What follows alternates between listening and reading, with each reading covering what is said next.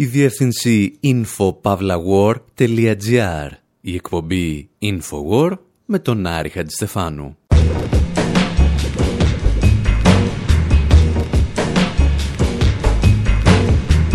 Όπου σήμερα επανερχόμαστε ύστερα από πάρα πολλά χρόνια στην Παλαιστινιακή hip hop. Συναντάμε ένα τοπίο εντελώς διαφορετικό από αυτό που γνωρίσαμε πριν από περίπου 10 χρόνια. Γνωρίζουμε παιδιά που μεγάλωσαν και άλλα που δεν τα κατάφεραν. Ακούμε την Παλαιστινιακή ραπ στους καταβλισμούς προσφύγων και μας θυμίζουν τα γκέτο των μαύρων στις Ηνωμένες Πολιτείες, γεμάτα θυμό και αγανάκτηση. Κυρίως όμως πολύ σαρκασμό. Θα ξεκινήσουμε όμως από ένα σανσέρ κάπου στο Ισραήλ.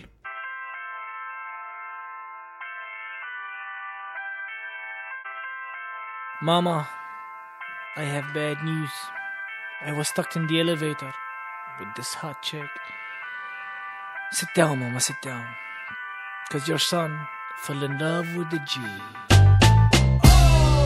I'm in love with the fell in love with the Jew. Her skin is white and my skin is brown. She was going up, up, I was going down. Oh, I'm in love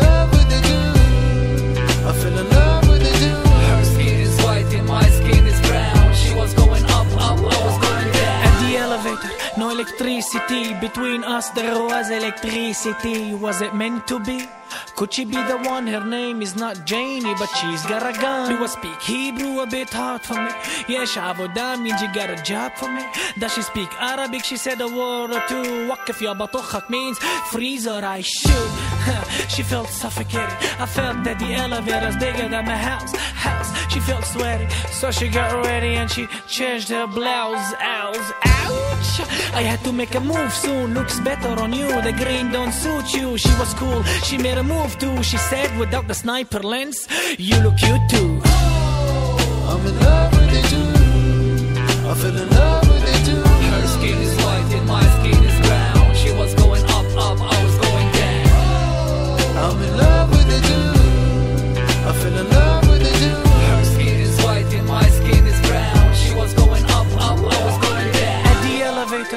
faced some nightmares. She shared her dreams, and I shared. She wanna be a pilot, search the sky. My dream is not to be searched. Every time I fly, be ambitious, she said. If you want, it's not a legend. Herzl said it while standing on the balcony.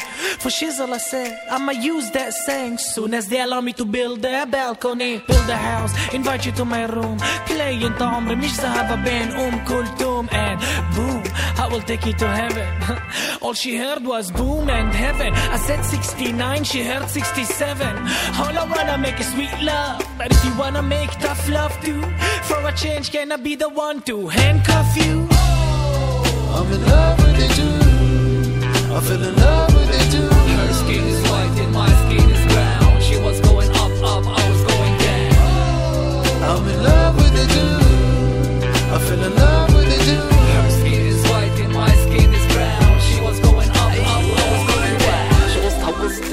Ο τραγουδιστής των Dam, ίσως του γνωστότερου hip-hop συγκροτήματος, βρίσκεται εγκλωβισμένο σε ένα σανσέρ με μία Εβραία.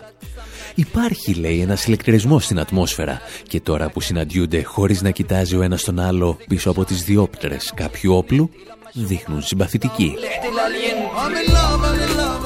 Και αν νομίζετε ότι αυτό είναι ένα ρομαντικό τραγουδάκι για τον έρωτα στη Μέση Ανατολή, να το ξεχάσετε. Αυτή, λέει, ήταν λευκή και πήγαινε προς τα πάνω, ενώ εγώ είχα σκούρο δέρμα και κατέβαινα προς τα κάτω. Αυτή ήθελε να γίνει πιλότος. Το δικό μου όνειρο ήταν απλώς να μην με γδίνει ασφάλεια κάθε φορά που παίρνω το αεροπλάνο. Ο ήρωάς μας προσπαθεί, αλλά όλα πηγαίνουν από το κακό στο χειρότερο. Αυτός θέλει να την στείλει, λέει, στον ουρανό και αυτή νομίζει ότι θέλει να την τεινάξει στον αέρα. Αυτός της μιλάει για 69 και αυτή ακούει 67. Σκέφτεται μάλλον τα σύνορα της περίοδου του πολέμου των 6 ημερών. Και ύστερα ο ήρωάς μας τη ζητά ευγενικά. Θα μπορούσαμε, έστω και σαν εξαίρεση, να φοράς για μια φορά εσύ τις χειροπέδες.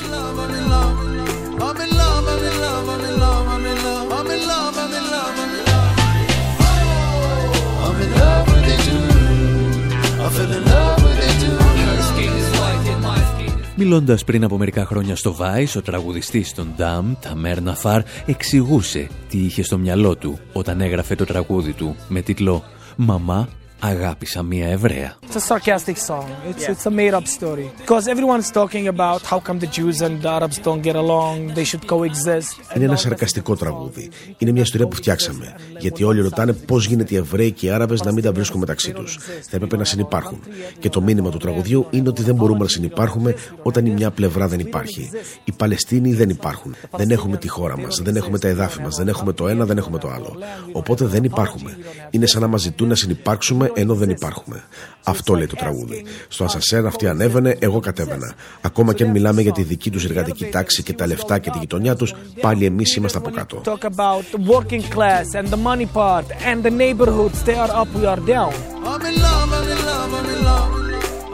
Οι Ντάμ από τα αρχικά των λέξεων The Arabian MCs θεωρούνται οι πατέρες της παλαιστινιακής hip hop και η μουσική που τους έκανε γνωστούς δεν ήταν αυτό που θα λέγαμε easy going. Ήταν τραγούδια σαν το Manor Hubby. Ποιος είναι ο τρομοκράτης.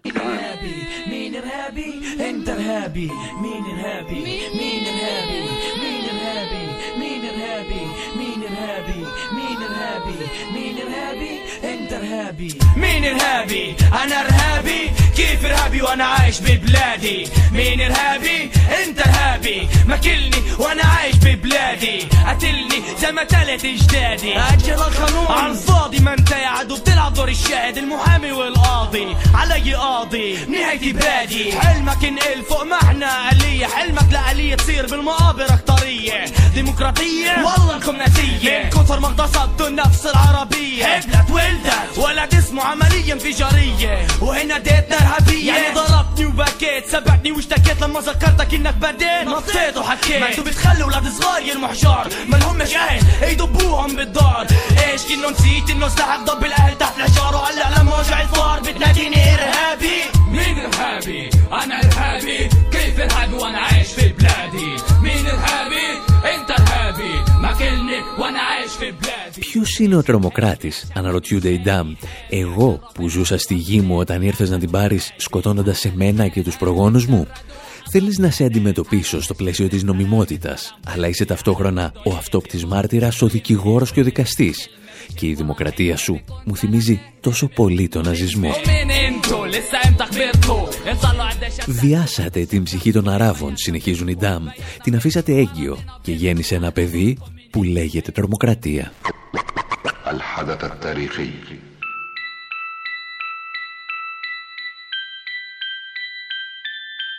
باسم الشعب العربي باسم الشعب العربي يا من آمنتم بالمبدأ لا نساوم على حريتنا. لا, لا, لا إقطاع لا استغلال لا, لا احتكار. في حياة الشعوب أجيال يواعدها القدر ويختصها دون غيرها بأن تشهد نقط التحول الحاسمة في التاريخ.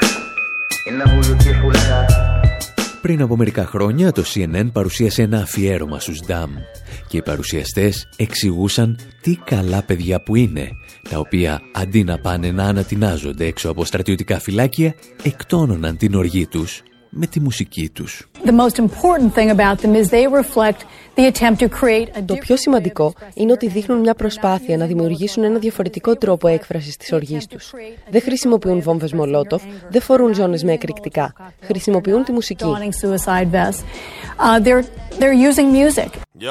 اسمع يا يا صوت غريب من الايقاع هلا طالع صوت غريب كل دينين هلا مازع صوت اللي بيخلي الاطرش يكون سامع هذا سامح بيعمله مش مخترع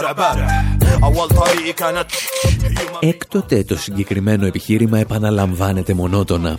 Η τέχνη και ο πολιτισμός, λένε, είναι αντίδοτο στη βία.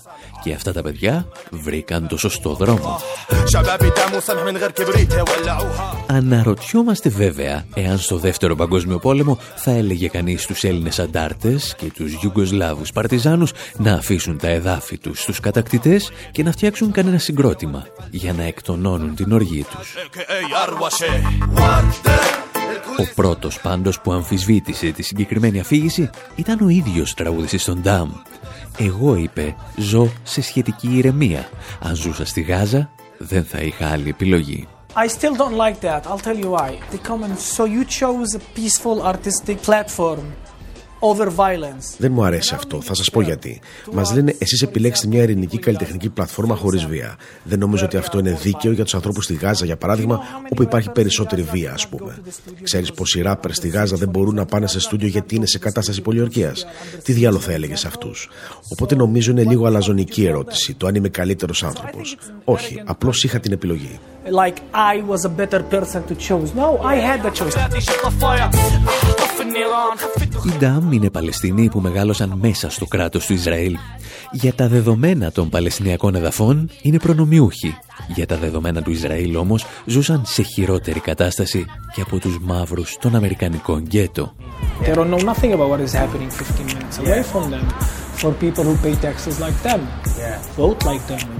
Οι Ισραηλινοί δεν ξέρουν τίποτα από αυτά που συμβαίνουν 15 λεπτά μακριά τους. Είμαστε άνθρωποι που πληρώνουν φόρους, που ψηφίζουν όπως αυτοί. Λέμε στα τραγούδια μας ότι το Ισραήλ είναι μια δημοκρατία. Είναι όμως μια δημοκρατία για Εβραίους, αλλά όχι για Άραβες. Είναι μια δημοκρατία για Εβραίους, αλλά είναι ένα σιωνιστικό καθεστώς για τους Άραβες.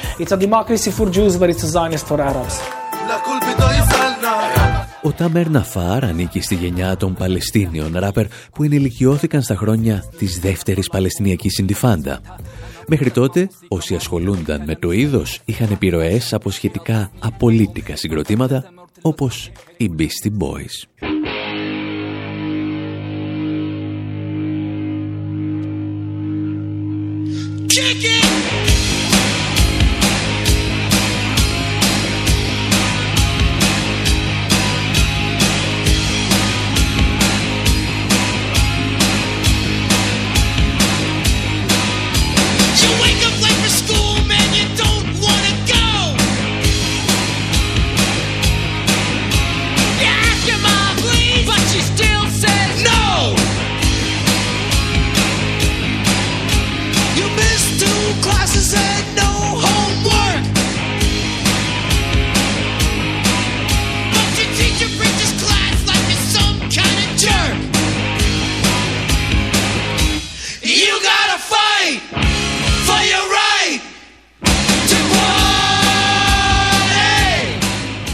Καθώς όμως οι οδομαχίες αυξάνονταν στα κατεχόμενα παλαιστινιακά εδάφη, τα συγκροτήματα άρχισαν να αναζητούν τον πολιτικό στίχο.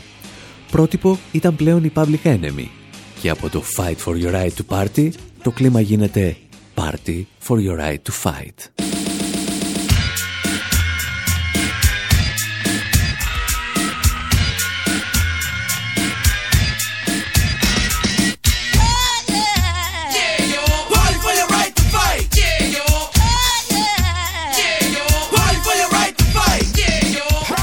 Συνθήκες όμως δεν επέτρεπαν τέτοιου είδους μουσικούς πειραματισμούς.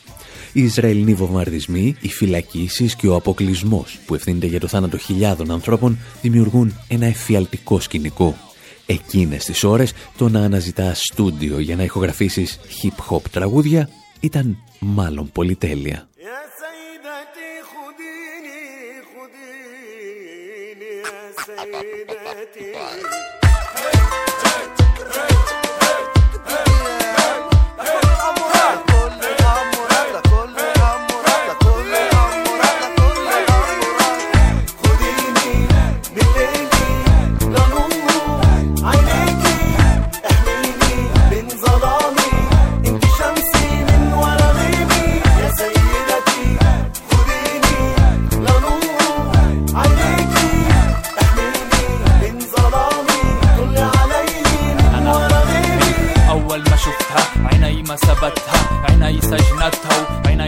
Και αυτό δεν ήταν το μοναδικό πρόβλημα. Αρκετά συγκροτήματα στη Γάζα δέχθηκαν επίσης επικρίσεις και επιθέσεις από τη Χαμάς που θεωρούσε ότι εισάγουν την αμερικανική κουλτούρα στους Παλαιστίνιους. Έτσι, η Παλαιστινιακή hip hop για πολλά χρόνια ευδοκιμούσε περισσότερο μακριά από τα Παλαιστινιακά εδάφη.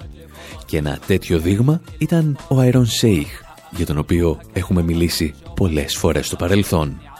Τον ακούμε και επανερχόμαστε.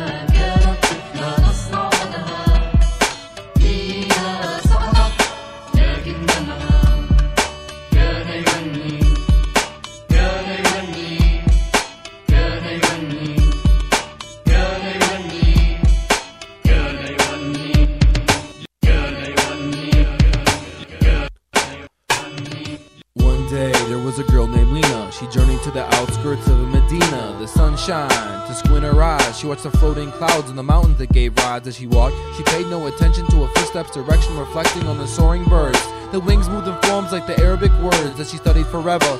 Suddenly a bird dropped a feather to descend from heaven. She was age 11, like the feather she was also very thin. She ran a catch of every step in connection to the feather's motion. Ο Άιρον Σέιχ, τον οποίο ακούμε, ζει στις Ηνωμένε Πολιτείε και αποτελούσε για χρόνια μία από τις πιο αναγνωρίσιμες φωνές της παλαιστινιακής hip-hop σκηνής. Στα τραγούδια του καταδίκαζε το Τελαβίβ, σειρά Αμερικανών Προέδρων και την αντιμετώπιση των Αράβων μέσα στις Ηνωμένε Πολιτείε. You know, it's kind of hard being ought to be in this country because every time something goes wrong, you're the first one they look at. Every time something bad happens, they bring out the usual suspects. Mm-hmm. They blame the Arab. Mm-hmm. Look, Jogging in the park, just handling our business. Bomb goes off in the distance. What is this? It looks so suspicious. Cause that's ethnicity's our only litmus. They don't even have a friggin' witness. They don't need one. Wrongfully accused like Leslie Nielsen. A cop corners me and says, let's cut a deal, son. Said, okay, I'll name names and I'll start with the big gun. Bill Clinton, a terrorist was bigger than Big Pun. He'll bomb anyone, women, kids, even Hillary. The media hyped and judging us guilty. Showing us as violent, irrational, and filthy. Cause stereotypes see what they wanna see. Reducing complexity to simplicity. Can't you see? We're presumed guilty. We gotta prove our innocence, even with the lack of evidence. We're not terrorists oh. anyway. Who bombed the Alfred Murray building in Oklahoma City? It was a honky called Timothy McVeigh. Yet again, they blamed us again and again. Here we go. What? It's the tale of the three Mohammeds. Just cause we're Arabic doesn't mean we're suspect. It's the tale of the three Mohammeds. Just cause of politics doesn't mean we're suspect. It's the tale of the three Mohammeds. Just cause we're immigrants doesn't mean we're suspect. It's the tale, it's the tale, it's the tale of the three Mohammeds. Και όταν ο Άιρον Σέιχ σταματούσε να διηγείται προσωπικές ιστορίες στοχοποίησης στις Ηνωμένες Πολιτείες, ξεκινούσε μια φανταστική συνομιλία με τον διάσημο ακαδημαϊκό Έντουαρτ Σαΐντ. Εδώ χρησιμοποιεί μια ομιλία του από το Πανεπιστήμιο του Μπέρκλεϊ και στείνει την εξής στοιχομηθεία. And now, ladies and gentlemen, please welcome the Chancellor of the University of California, Berkeley. I chic, I chic, I chic. Thank you, thank you. Thank you very much, everybody. Thank you, thank you. Not supposed to hiss. Hiss, hiss, hiss, hiss. On behalf of the entire Berkeley community, blah, blah, blah, I want to welcome everyone here tonight to this important lecture. Here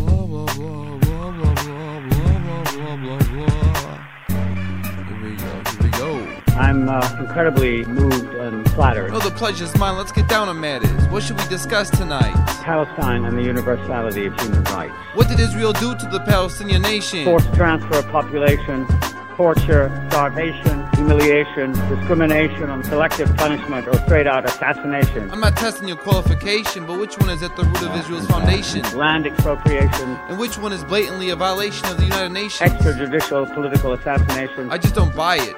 We got the UN, who even the tried Security it. Council has been expressing varying degrees of disquiet.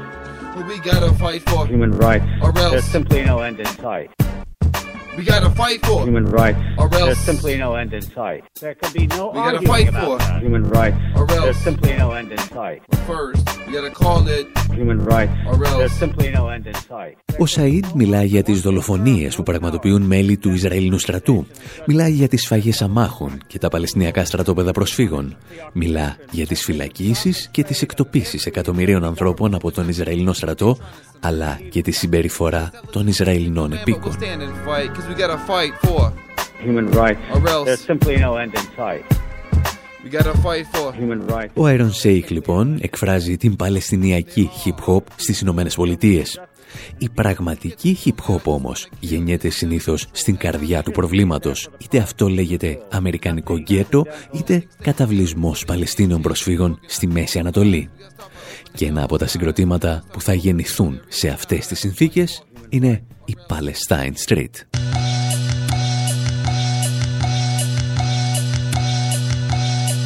عايشين مخيم فيه انا وانت صامد سياسة صهيونية عليها انا وانت حاقد تشريعات قومية سلبية وهمية انا الها رافض حلمي جملة لكلمة اني اكون عائد ايوه عائد ايوه صابر ايوه خالد بارضي انا رابط مش ساكت لا اني راجع لبلدي بيت عطاب بعد ما عملوها كلها خراب فكروا حطموا أملنا شتتوا أهلنا. دمروا بيوتنا ما خلوا فيها باب. دخل علينا كتير يهود بس ضلينا إحنا أسود. من صمود لصمود آخريتنا راح نعود. سموه البلد الموعود فلسطين المقصود. قلنا عيشي بالهيجة مش عيشي. إلنا سنين نستنى حق العودة يجي. لا بيت عطاب ولا بدنا ندفع الجل بريد وذكرين.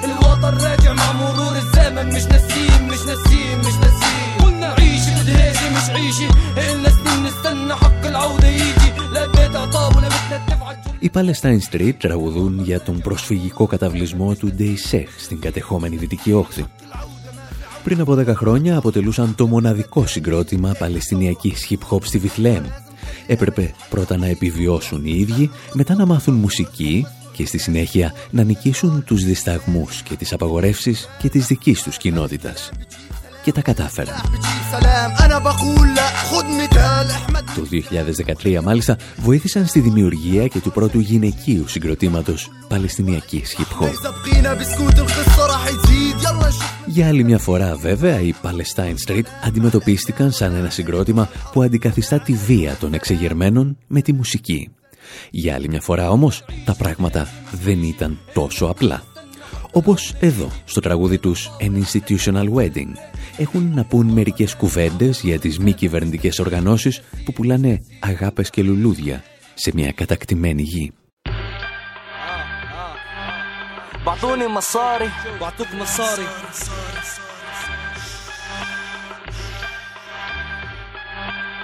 بعطوني مصاري عشان أهتم بطفلي بيعلموني المشاعر عشان لما يمرض أحس فيه.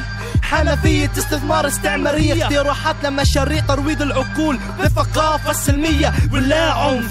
بس ممنوع تحكي عن طفل مات بالقصف. عن غزة. إعادة هيكلية الثائر الفلسطيني فكريا. الحلم النضالي بيكون ممسوح جذريا. طريقة جديدة في المقاومة. وفق الأهداف الأمريكية. تاريخ حديث لا التاريخ تغيير مخيف لا الجغرافيا مش راح أكون غاندي طول ما النوايا اتجاه وجودي. مش صافية.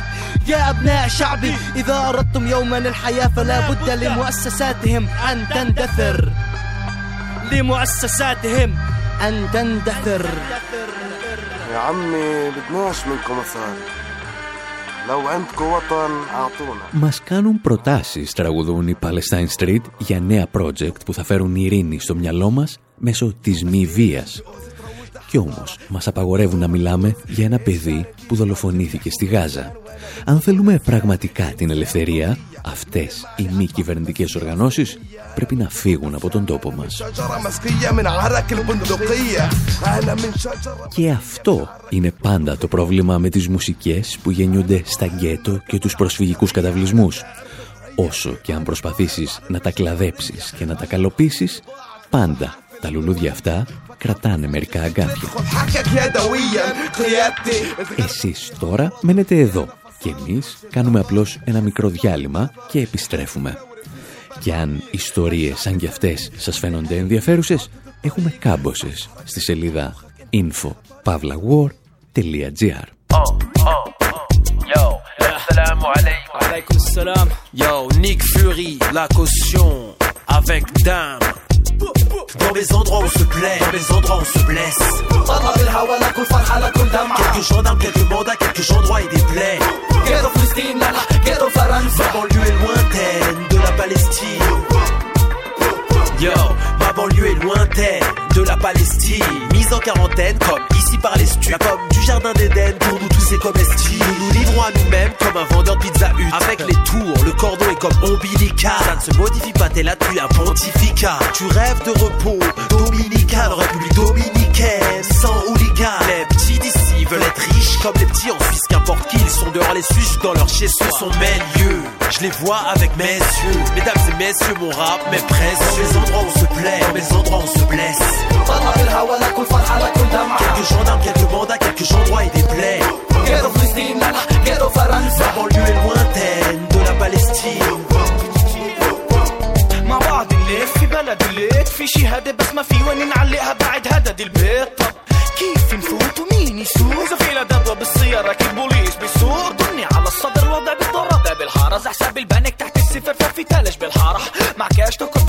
شي فجأة سي 500 إذا مش محامي أكيد تعرف كتير محامية. عنا الكل بيشتري سماعات للسيارة قبل ما يشتري السيارة. لحظة في مشكلة بالجملة عنا بالحارة والحد بيشتري. الكل بهف واللي بهف بهرب عشان في حد لاحقه بده لقمة وإذا دخلت وسمعت طلق تبدأش بالرماح لأنه ده فرح ابن الجارة. وإذا بعد طلق كان صفارة أهرب عشان عرس ابن الجارة. امبارح كان Dans les endroits où on se plaît, dans les endroits où on se blesse. Quelques gendarmes, quelques mandats, quelques endroits et des plaies. Ghetto freestyle, nana, ghetto varanza. La banlieue lointaine de la Palestine. Que la France c'est des blancs sous des bérets, des baguettes sous des aisselles et des chansons de Pierre Perret. Y'a des bronzés sous les verrous et des verrues sur leurs agents. Y'a des gonzesses sous des perruques et des héros sur leur argent. Ils sont les seuls à avoir trouvé ces éléphants sur tard. Ils semblaient si fiers d'avoir leur téléphone portable. Un port d'armes, ça cache un pont dans la cave. Y'a v'là les bars, y'en a qui bronzent dans la cave. Nick Fury, la caution sur le terrain. Sûr de ses punks, de ses pains et de ses chiens. Moi, mon endroit, je l'aime, c'est pour la vie, je pense. No doubt, un amour, la vie de France. Dans les endroits où on se plaît, dans les endroits on se blesse بنهض الهوا لكل فرحة لكل Quelque chose dans quelques monde, à quelque chose droit et des plaies Ghetto Palestine, la la, ghetto Faranza La banlieue est lointaine de la Palestine بدي اشكر الشرطة على كفوفها بتصحصحنا وعلى هدم بيوت جيراننا شكرا ساعدونا نحوش الجارة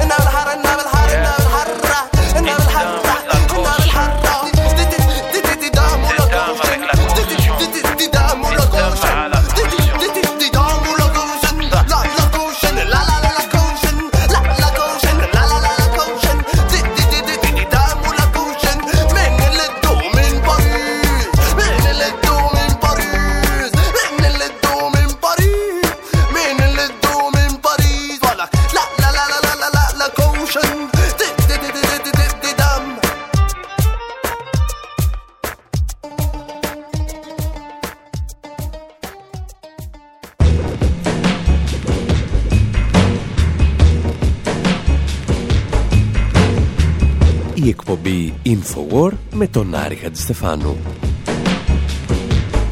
Όπου σήμερα συζητάμε για ένα συγκρότημα που περνά περισσότερο χρόνο για να αποφασίσει ποιοι δεν πρέπει να ακούνε τη μουσική του παρά με αυτούς που πρέπει να την ακούνε. Μαθαίνουμε για έναν μπασίστα που πλάκωσε στο ξύλο ένα φασίστα και περιμένουμε να τον δούμε και στην Ελλάδα. Τον μπασίστα, όχι το φασίστα. Εμπνεόμαστε από τραγούδια των Dropkick Murphys για να διηγηθούμε ψιλοάσχετες ιστορίες για συνδικάτα, απεργίες και αρνητές στράτευσης.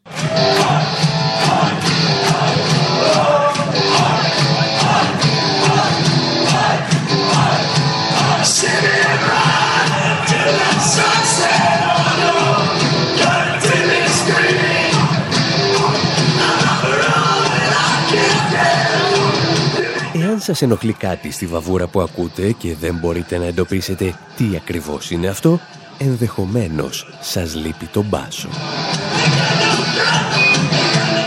Το κακό ηχογραφημένο τραγούδι μας έρχεται από μια συναυλία που έδωσαν οι Dropkick Murphys το 2013 στη Νέα Υόρκη. Και ενώ όλα πήγαιναν μια χαρά, ένας θεατής ανέβηκε κάποια στιγμή στη σκηνή και χαιρέτησε ναζιστικά προς το κοινό. Ο μπασίστας και τραγουδιστής Κεν Κάσεϊ του συγκροτήματος τον πλησίασε ήσυχα, του έχωσε μια δυνατή γροθιά στο κεφάλι και συνέχισε να τον χτυπάει με τον μπάσο. Έδωσε δηλαδή μια νέα εκδοχή σε αυτό που έγραφε κάποτε η κιθάρα του Woody Guthrie. Αυτή η μηχανή σκοτώνει φασίστες. Nazis are not fucking welcome at a Dropkick Murphy show. Και αφού οι Dropkick Murphys εξήγησαν στο κοινό ότι οι ναζιστές δεν είναι ευπρόσδεκτοι, συνέχισαν τη συναυλία τους με τραγούδια σαν και αυτό που έχετε ακούσει πολλές φορές από αυτήν εδώ την εκπομπή. Έτσι, για να πιάσουμε την ιστορία μας από την αρχή.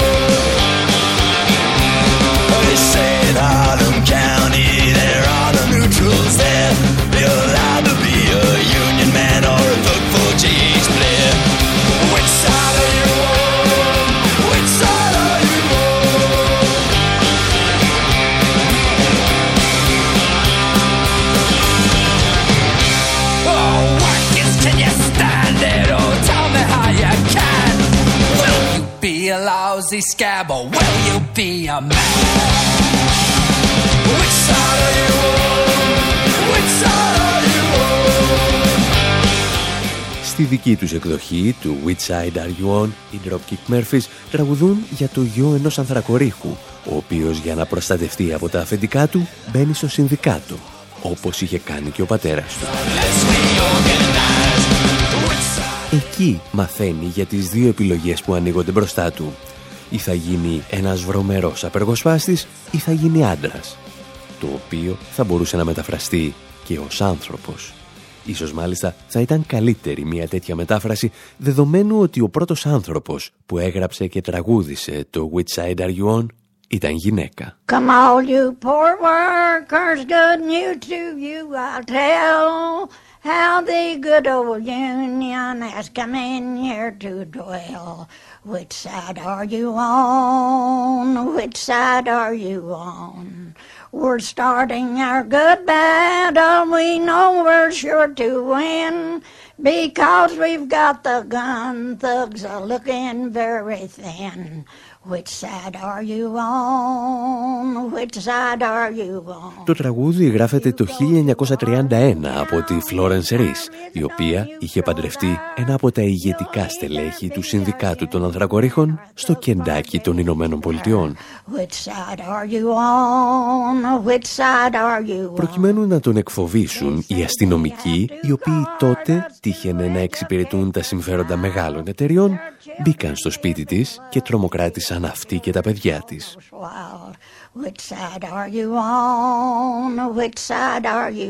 Η κυρία Φλόρενς όμως δεν ήταν από τους ανθρώπους που τρομοκρατούνταν με ένα-δύο όργανα της τάξης. Το ίδιο βράδυ κάθισε στην κουζίνα του σπιτιού της και έγραψε στο πίσω μέρος ενός ημερολογίου τους στίχους από το τραγούδι «Which side are you on?»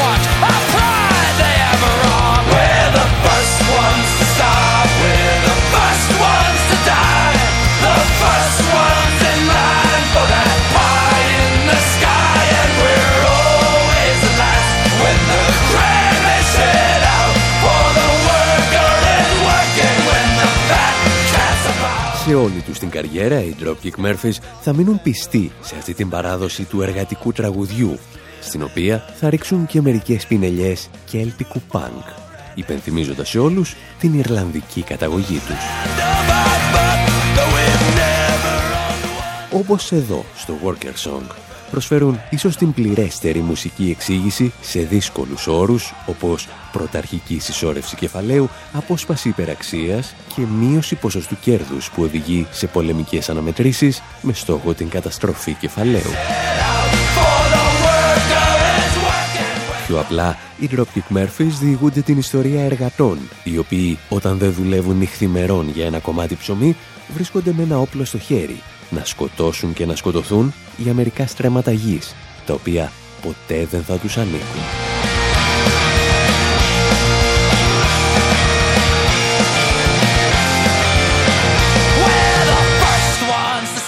Οι Dropkick Murphys δίνουν από πολύ νωρίς ιδιαίτερη σημασία στον πόλεμο, τον οποίο αντιμετωπίζουν σαν συνέχεια της πολιτικής, όπως θα έλεγε δηλαδή και ο Καρλ Φον Κλάουζεβιτς.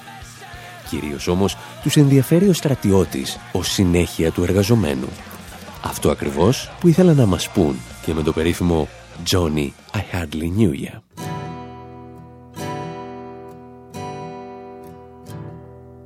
Well, on the road,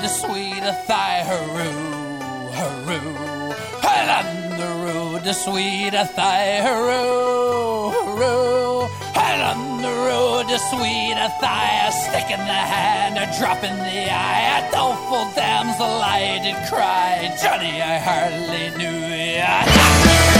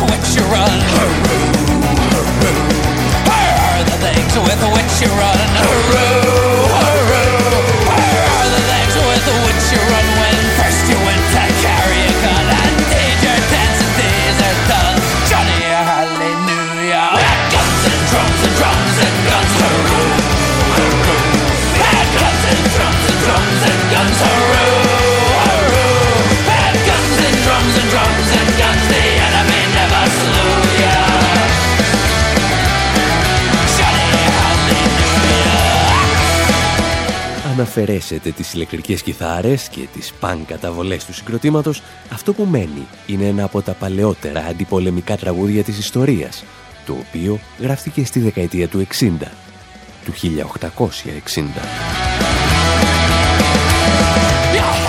Αν και οι ιστορικοί διαφωνούν για την ακριβή προέλευσή του, ξέρουμε πολύ καλά τα περιστατικά τα οποία μας αφηγείται.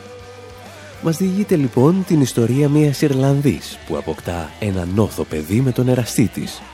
Αυτός όμως αποφασίζει να την εγκαταλείψει για να πολεμήσει στη Σρι Λάνκα, που τότε ονομαζόταν και Λάνη και ανήκε στη Βρετανική Αυτοκρατορία.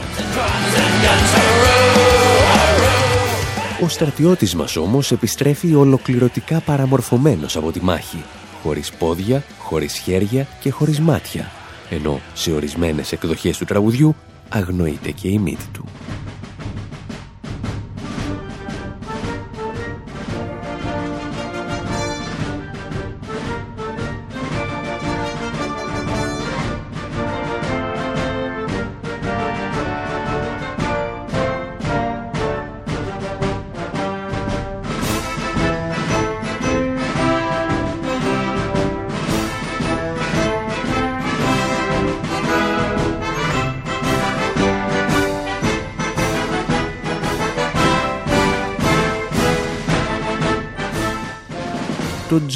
I Hardly Knew Ya, όπως θα έχετε καταλάβει, δανείζεται τη μουσική του από το When Johnny Comes Marching Home, έναν από τους κλασικότερους ύμνους του Αμερικανικού εμφυλίου. Στην αρχική εκδοχή λοιπόν το τραγούδι εξέφραζε τη νοσταλγία των συγγενών όσων συμμετείχαν στον Αμερικανικό εμφύλιο.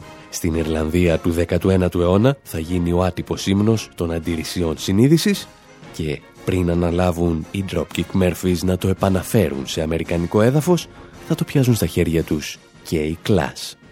Μόνο που αυτοί τραγουδούν για έναν αγγλικό εμφύλιο πόλεμο.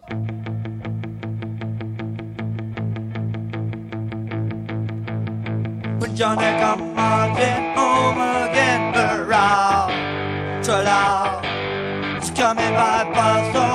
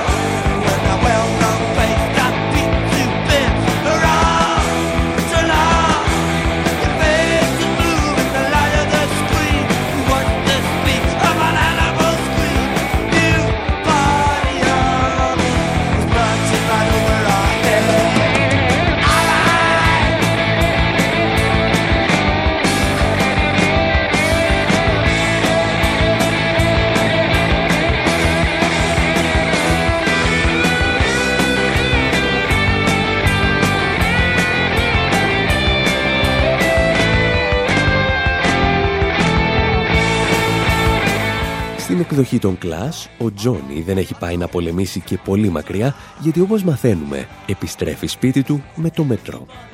Και η μάχη στην οποία έχει πολεμήσει δεν πραγματοποιήθηκε σε κάποια κτήση της Βρετανικής Αυτοκρατορίας, αλλά σε κάποιο στενό του Λονδίνου. Οι Clash, βλέπετε, τραγουδούσαν για την άνοδο της φασιστικής άκρας δεξιάς στα τέλη της δεκαετίας του 90 και τις συγκρούσεις που πραγματοποιούνταν στους δρόμους της Αγγλίας.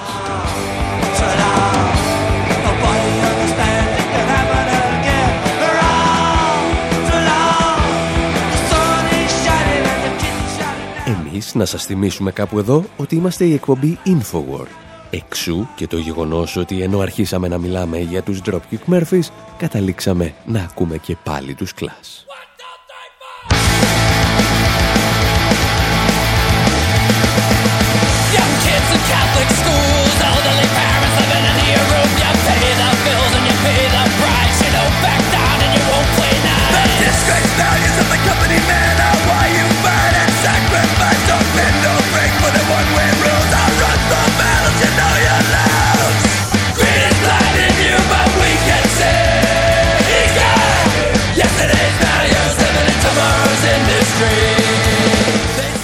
Dropkick Murphys λοιπόν διηγούνται διαρκώς ιστορίες για εργαζόμενους και στρατιώτες από την Ιρλανδία μέχρι τις Ηνωμένες Πολιτείες και γι' αυτό το λόγο αποτελούν εδώ και χρόνια το αγαπημένο συγκρότημα των μεγαλύτερων συνδικάτων των Ηνωμένων Πολιτειών. Στο παρελθόν έχουν συνεργαστεί ακόμη και με την AFL-CIO που αποτελεί τη Συνομοσπονδία 56 συνδικάτων και 12 εκατομμυρίων εργατών στις Ηνωμένες Πολιτείες. Και ενώ δεν είμαστε σίγουροι εάν οι εργάτες ακούνε τη μουσική τους, αυτοί επιμένουν να τους γράφουν τραγούδια σαν και αυτό, το Tomorrow's Industry.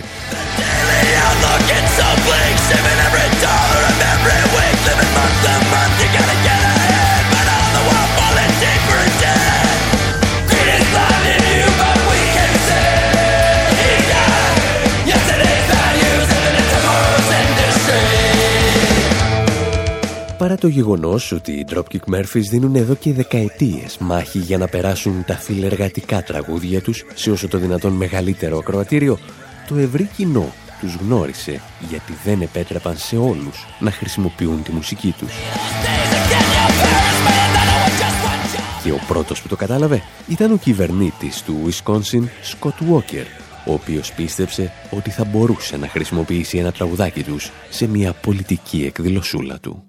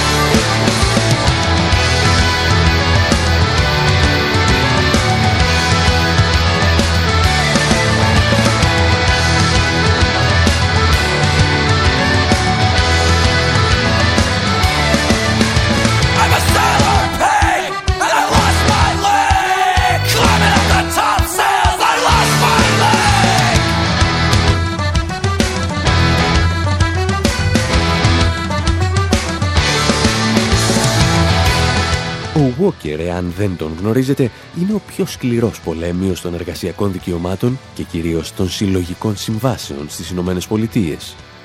Γεγονός που είχε οδηγήσει και στην κατάληψη του Καπιτολίου στο Wisconsin το 2011.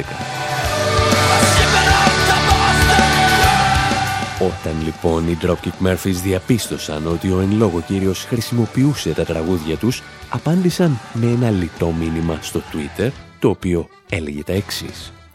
Κυβερνήτη Walker, σε παρακαλούμε σταμάτα να χρησιμοποιείς τη μουσική μας. Ειλικρινά σε συχαινόμαστε. Με αγάπη, Dropkick Murphys.